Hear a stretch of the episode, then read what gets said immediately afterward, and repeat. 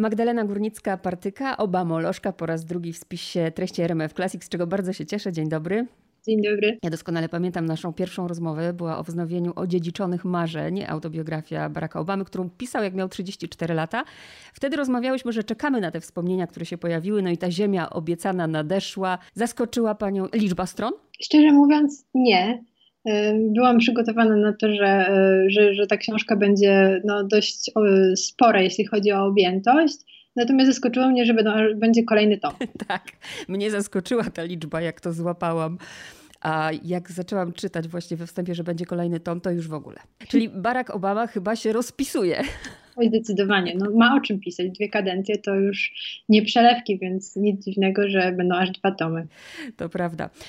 Odziedziczone marzenia. Chciałabym do tego na chwilę wrócić, mhm. żeby usystematyzować troszkę słuchaczom. Dla mnie, nie wiem jak dla Pani, ale dla mnie konieczna jest zdecydowanie tam ta książka, żeby mieć jakby e, obraz całości. Powiedzmy, co było w tamtej autobiografii, a co mamy w tej? Jakie są różnice? Przede wszystkim e, tutaj mamy idealistę, który zderzył się z polityką, która jest daleka od idealizmu. W tej pierwszej książce, czyli w odziedziczonych marzeniach mamy Baracka Obama, który staje przed, przed swoim takim takim pierwszym e, wyzwaniem jako e, pracownik społeczny w Chicago, gdzie poznaje e, pracę na rzecz lokalnej społeczności i z tej skali, skali mikro, którą opisuję w odziedziczonych marzeniach, przeskakujemy szybko na skalę makro w, w Ziemi Obiecanej.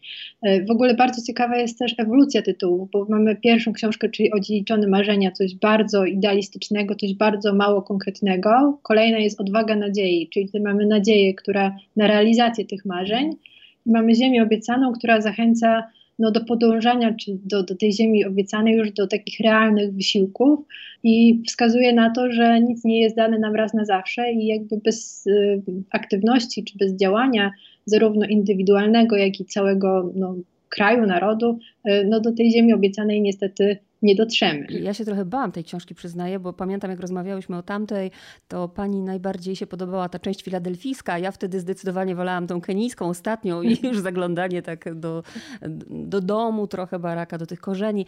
I tu, kiedy zobaczyłam właśnie, co będzie opisywał, mm. bardzo się tego bałam, a okazało się, że to jest napisane takim językiem, że nawet jeżeli ktoś nie siedzi w polityce, to rewelacyjnie się to czyta.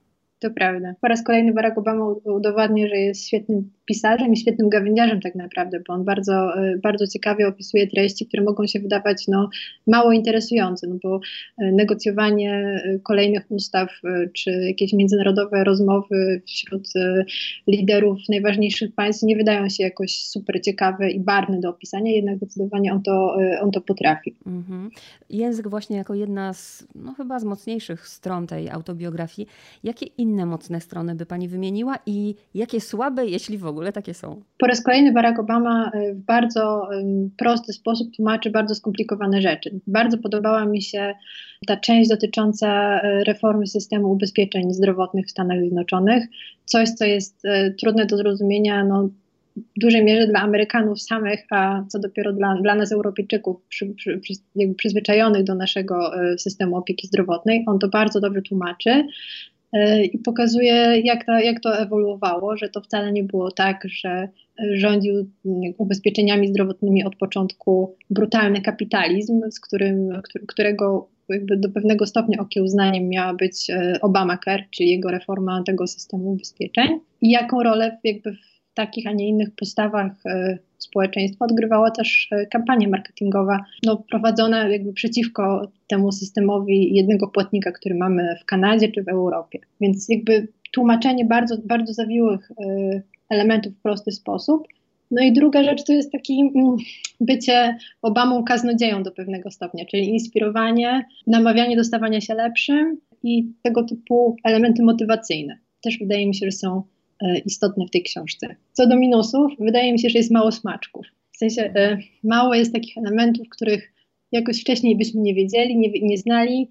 E, I tutaj książka Michelle Obamy zdecydowanie więcej odsłania takich, takich smaczków zakulisowych. To prawda, to lubimy. To właściwie ubiegła Pani moje pytanie kolejne, bo było takie, co Panią, bo Pani ma wiedzę y, i czyta wszystko i w ogóle o tak. Obamie już ma taką wiedzę, więc byłam ciekawa, czy jest coś, co Panią zaskoczyło, czego Pani nie wiedziała? Tak, dowiedziałam się, że Barack Obama powoli chodzi i to jest taki styl, styl poruszania się hawajski, że bardziej się przechadza niż, niż chodzi szybko, więc tutaj to było dla mnie, y, dla mnie zaskoczeniem nie wiem, może, może się czepiam, ale jest taki moment, kiedy to wydawało mi się tak wyidealizowane, bo rzeczywiście to, o czym pani powiedziała, o tej reformie zdrowia, to też się bałam, bo mówię, przecież to jest zupełnie jakby poza nami, że to Amerykanie zrozumieją, a jednak świetnie to wyjaśnia, tak. ale z drugiej strony takie miałam mm, takie wrażenie, że to już jest takie bajkowe, że świetnie by się sprawdziło w jakimś naprawdę filmie, który zapewne powstanie. O Baracku Obamie mam na myśli moment, w którym, nie wiem, jedzą śniadanie i córeczka mówi, tato, a co z tygrysami, nie? Ratuj tygrysy i on wtedy, prawda, tak. zaczyna zaczyna walczyć o klimat. To było dla mnie takie mocno przerysowane. No mi się wydaje, że to jest trochę ten y, właśnie Obama kaznodzieja, który stara się nawet w formie takich przypowieści y, przekazywać mm, bardzo złożone treści, sprowadzając je do takiego poziomu jednostkowego, czy właśnie rozmowy, rozmowy przy śniadaniu. Wydaje mi się, że dzięki temu po prostu będzie to dużo bardziej y, przystępne dla czytelnika.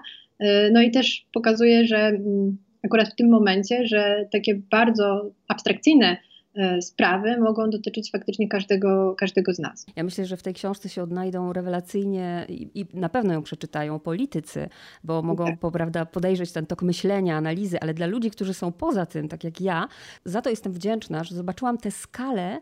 Widzimy tego Obamy, prawda? On jest na pierwszym froncie, ale za tym stoi rzesza ludzi i ta praca, która rzeczywiście ona mogłaby się wydawać e, interesująca, wcale taka mi się nie wydała. Jest, jest, jest to mozolne i jest to mało, mało filmowe, mało, y, mało pobudzające do, do, do chęci jakby obserwowania tego, no bo to są po prostu rozmowy, tak jak y, lata tak naprawdę starania się pozyskania sojuszników w swoich sprawach, więc to jest bardzo taka praca mrówcza i właśnie za którą stoi rzesza, rzesza osób, która musi pracować na, na, na sukces, który, na, z którego widzimy tak naprawdę i zapamiętujemy Obama. Bo książka będzie miała dwie części, mam nadzieję, że dwie, bo zobaczymy, może, może jeszcze się to poszerzy. To powiedzmy w tej części, y, dokąd nas Obama zabiera, w jakie podróże swoje? W tej części tak naprawdę rozpoczynamy od od, od początku prezydentury, jeszcze, jeszcze od kampanii wyborczej i pewnych e, trudnościach, które wiązały się ze zdobyciem prezydentury, a kończymy tak naprawdę no, z, razem z pierwszą kadencją Obamy i brawurową akcją Navy SEALs e, związaną z e, pochwytaniem i zabiciem Osamy Bin Ladena. Pamiętam, jak ja to oglądałam w telewizji i wtedy patrzyłam tylko na Obama. Dzięki temu, że są zdjęcia w książce, z czego się mm -hmm. zawsze bardzo cieszę, to bardzo się skupiłam na Hillary. E, która tak. ogląda to i ma, prawda, to, to przerażenie na, tak. na twarzy. Teraz jeszcze chcę zapytać o to, czy. No bo Obama no musi zresztą tak zrobić, wymienia te swoje wszystkie osiągnięcia, ale też pokazuje, jakie to jest nietrwałe, że tak naprawdę wygrana, od wygranej właściwie od kolejnego dnia już zaczyna się walka tylko o to, żeby się utrzymać. Ludzie bardzo szybko zapominają, co Obama zrobił. E, no i przede wszystkim, jakby ta książka wyszła w momencie mm, po tym, jak 4 lata e, Stanami Zjednoczonymi rządził Donald Trump. Jakby nie można się oprzeć um, odczytywaniu tej książki z perspektywy już po prezydentu, prezydentury Trumpa i jakby po prezydenturze Trumpa, więc tutaj jakby nie możemy tej książki odczytywać e, w próżni i jakby ten kontekst, w którym ona się ukazała, tak mocno narzuca to, e, ile się zmieniło właśnie za prezydentury Trumpa, no na niekorzyść w porównaniu z tym, co, e, co oferuje Obama mhm. i co, czym, czym zajmował się Obama, jakie postulaty udało mu się zrealizować. I wydaje mi się też, że mm, to jest taki trochę wyraz mm, nostalgii za tym, co było, za tym, jak Ameryka e, miała nadzieję być i jakie te nadzieje dla pewnej oczywiście dużej części, części społeczeństwa no, padły razem z prezydenturą Donalda Trumpa, ale też jest oczywiście wyrazem nadziei, no bo wybory wygrał Joe Biden, więc tutaj jest, jest, jest szansa, że ta książka będzie e, też odczytywana w takim pozytywnym tonie. Zresztą równocześnie wyszła teraz biografia Joe tak, Bidena. Mhm. Właśnie czytam. A, ja czekam na Kamalę Harris, bo też wyszła. A wspomniała Pani o Trumpie też i tu warto zauważyć, że sam Obama to pokazuje w tej książce, że nie zawsze było tak, że tak bardzo był przeciwny Trumpowi, bo To dopiero się zaczęło wtedy, y, kiedy Trump zaczął snuć te teorie spiskowe, ale wcześniej on jakby go też podziwiał w jakimś sensie. No tak, no jakby tutaj kwestią mm, tego, że Trump y, wygrał, wygrał wybory i zaczął totalnie negować dziedzictwo Obamy, więc nic dziwnego, że, że później sam Obama patrzył, zaczął patrzeć negatywnie, natomiast z pewnością Obama e, no, przywitał elegancko e, Trumpa w Białym Domu, tak. tak jak nakazuje tradycja, inaczej niż Trump nie przywitał Joe'a Bidena. No, zobaczymy, co jeszcze dalej się będzie działo. Dla mnie najmocniejsze zdanie w tej książce demokracja nie jest dana raz na zawsze, jest krucha, prawda?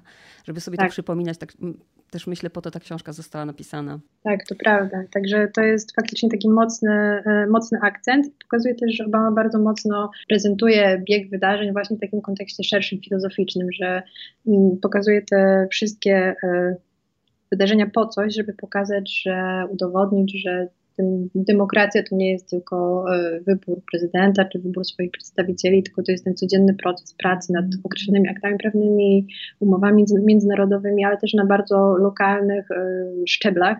E, I tak naprawdę codziennie każdy powinien nad tym pracować. Mhm. I dwie kwestie jeszcze. Jedna smutna, mianowicie, że tak by się może chciało, żeby tej Polski było trochę więcej w tej książce. Tylko raz jest wymieniona bodajże nazwa. Tak, tak, to prawda. No niestety mm, mało, mało Polski w tej książce. Zobaczymy, czy, y, czy u Bidena będzie, będzie więcej, no bo ma też większy, y, więcej trochę jakby sukces w polityce zagranicznej już jeszcze jako senator. Y, mało, mało Polski, ale mm, wydaje mi się, że to jest książka też bardzo mocno pisana pod amerykańskiego odbiorcę, więc nie dziwię się też, że wymienione są tylko te kluczowe, kluczowe kraje. Oczywiście Europy Zachodniej, no i oczywiście Rosja, e, więc no, nie, nie dziwi mnie to, natomiast z punktu widzenia polskiego czytelnika oczywiście jest to rozczarowujące, że jest, e, że jest mało Polski, natomiast wymienia też Lecha Wałęsę, którym, na którego się powołuje, że, że jakby mm, dla niego bliskie są elementy, ideały Solidarności, tak, czy, czy elementy pracy społecznej, właśnie z którego, z których doświadczeń Lecha Wałęsy czerpie. No i na koniec, bo, bo to jest też zawsze dla mnie bardzo interesujące. Nie ma tego dużo, ale jest. Czyli te wątki osobiste, rodzinne, tego jak mhm. trzeba było kraść te chwile z rodziną. Ale niesamowita jest ta Michelle. Ja ją coraz bardziej lubię. Nawet jeszcze Oj. bardziej ją lubię po tej książce niż po jej książce. To prawda. Myślę, że e, Barack Obama nie byłby tym, kim jest bez Michelle zdecydowanie i e, jest w tym ogromna zasługa jej. E, jako żony, ale też jako, jako osoby, która e, no, ukształtowała go takim, jakim jest w tej chwili. Tak, Także jak, prawda. Jak on musiał, no musiał walczyć, jak on się prawda stresował, on musiał ją prosić o zgodę nawet. Jest tam ta scena, kiedy właśnie z tymi tygrysami e, i te córki mówią, tatusiu, jesteś prezydentem, zajmij się. I już sobie wyobrażam w filmie tę scenę, jak on mówi, no tak, jesteś prezydentem. Nie? I takie oczywiście prześmiewcze to jest, ale też bardzo wzruszający moment i też myślę, że to będzie jedna z ważniejszych scen w filmie, o którym ciągle już mówię. To jest scena, w której on on, ona zaprasza mm, przyjaciół na kolację, prawda, żeby go odwiedli od pomysłu i padają te niesamowicie wzruszające słowa, które przekonały Michelle. Tak, że jeśli będzie mógł zainspirować choć jedno dziecko, no to jest jakby tego warte. Wydaje mi się, że zarówno Michelle, jak i, jak i Barack Obama zdawali sobie sprawę z historyczności tej kandydatury i jakby pominięcie tej okazji, czy odłożenie jej w czasie, dla nich jako dla y, świadomych Afroamerykanów, byłoby utratą szansy, której pewnie e, która nie wiadomo, czy powtórzyłaby się w kolejnym cyklu wyborczym. Mhm. Więc y, ten, to dawanie przykładów w ogóle y, dzieciom jest szczególnie poruszające właśnie w kontekście Afroamerykanów. Też było widać, y, gdy Kamala Harris, no, jakby dogłoszono wyniki wyborów w Stanach, Kamala Harris powiedziała, że dziewczynki, które wyglądają tak jak ona, mogą wiedzieć, że jest wszystko jest możliwe, no to wydaje mi się, że jakby to kierowanie się takim dawaniem przykładu dzieciom e, w przypadku i Baracka Obamy i Michelle było bardzo silne. Tak. Zarówno ich dzieciom, jak i w ogóle dzieciom, dzieciom w społeczeństwie. O to samo na koniec zapytam, o co pytałam ostatnio, mianowicie co u nich słychać teraz? Ostatnio słucham podcastów. E, Obama nagrał, e, pod, nagrywa serię podcastów z Bruce'em Springsteenem i są naprawdę wciągające i one są bardzo mocnym rozszerzeniem mm, zarówno tej książki, jak i nawet pierwszej książki. Generalnie e, pokazują e, spojrzenie Obamy na bardzo wiele rzeczy. Każdy z nich jest poświęcony e, tematyce bardzo ważnej społecznie. Ostatni odcinek jest na przykład o roli mężczyzny w życiu rodziny, w życiu społecznym i o roli afroamerykańskiego mężczyzny, jak ona jest postrzegana, jak ona ewoluowała, jakim być ojcem, partnerem. I tutaj Obama oczywiście się też odnosi do swoich, e, do swoich doświadczeń, do swojej biografii, przywołuje własnego ojca, własnego ojczyma, także i mówi też o swoich dzieciach, więc podcasty są świetnym, świetnym źródłem właśnie, żeby trochę jeszcze bardziej mm, i jeszcze mocniej odczytywać tę książkę. I też jest bardzo dobrym medium dla Obamy, który jest no takim gawędziarzem, i bardzo ciekawie opowiada. Także można, Wiele można talentów, naprawdę... człowiek renesansu. Świetnie pisze, świetnie opowiada, nie wiadomo co on jeszcze tam kryje. Mam nadzieję, że możemy sobie obiecać, że spotkamy się, jak się pojawi druga tak, część. Już zapraszam serdecznie. Bardzo chętnie. Dziękuję bardzo Magdalena Górnicka-Partyka, moim gościem. Dziękuję.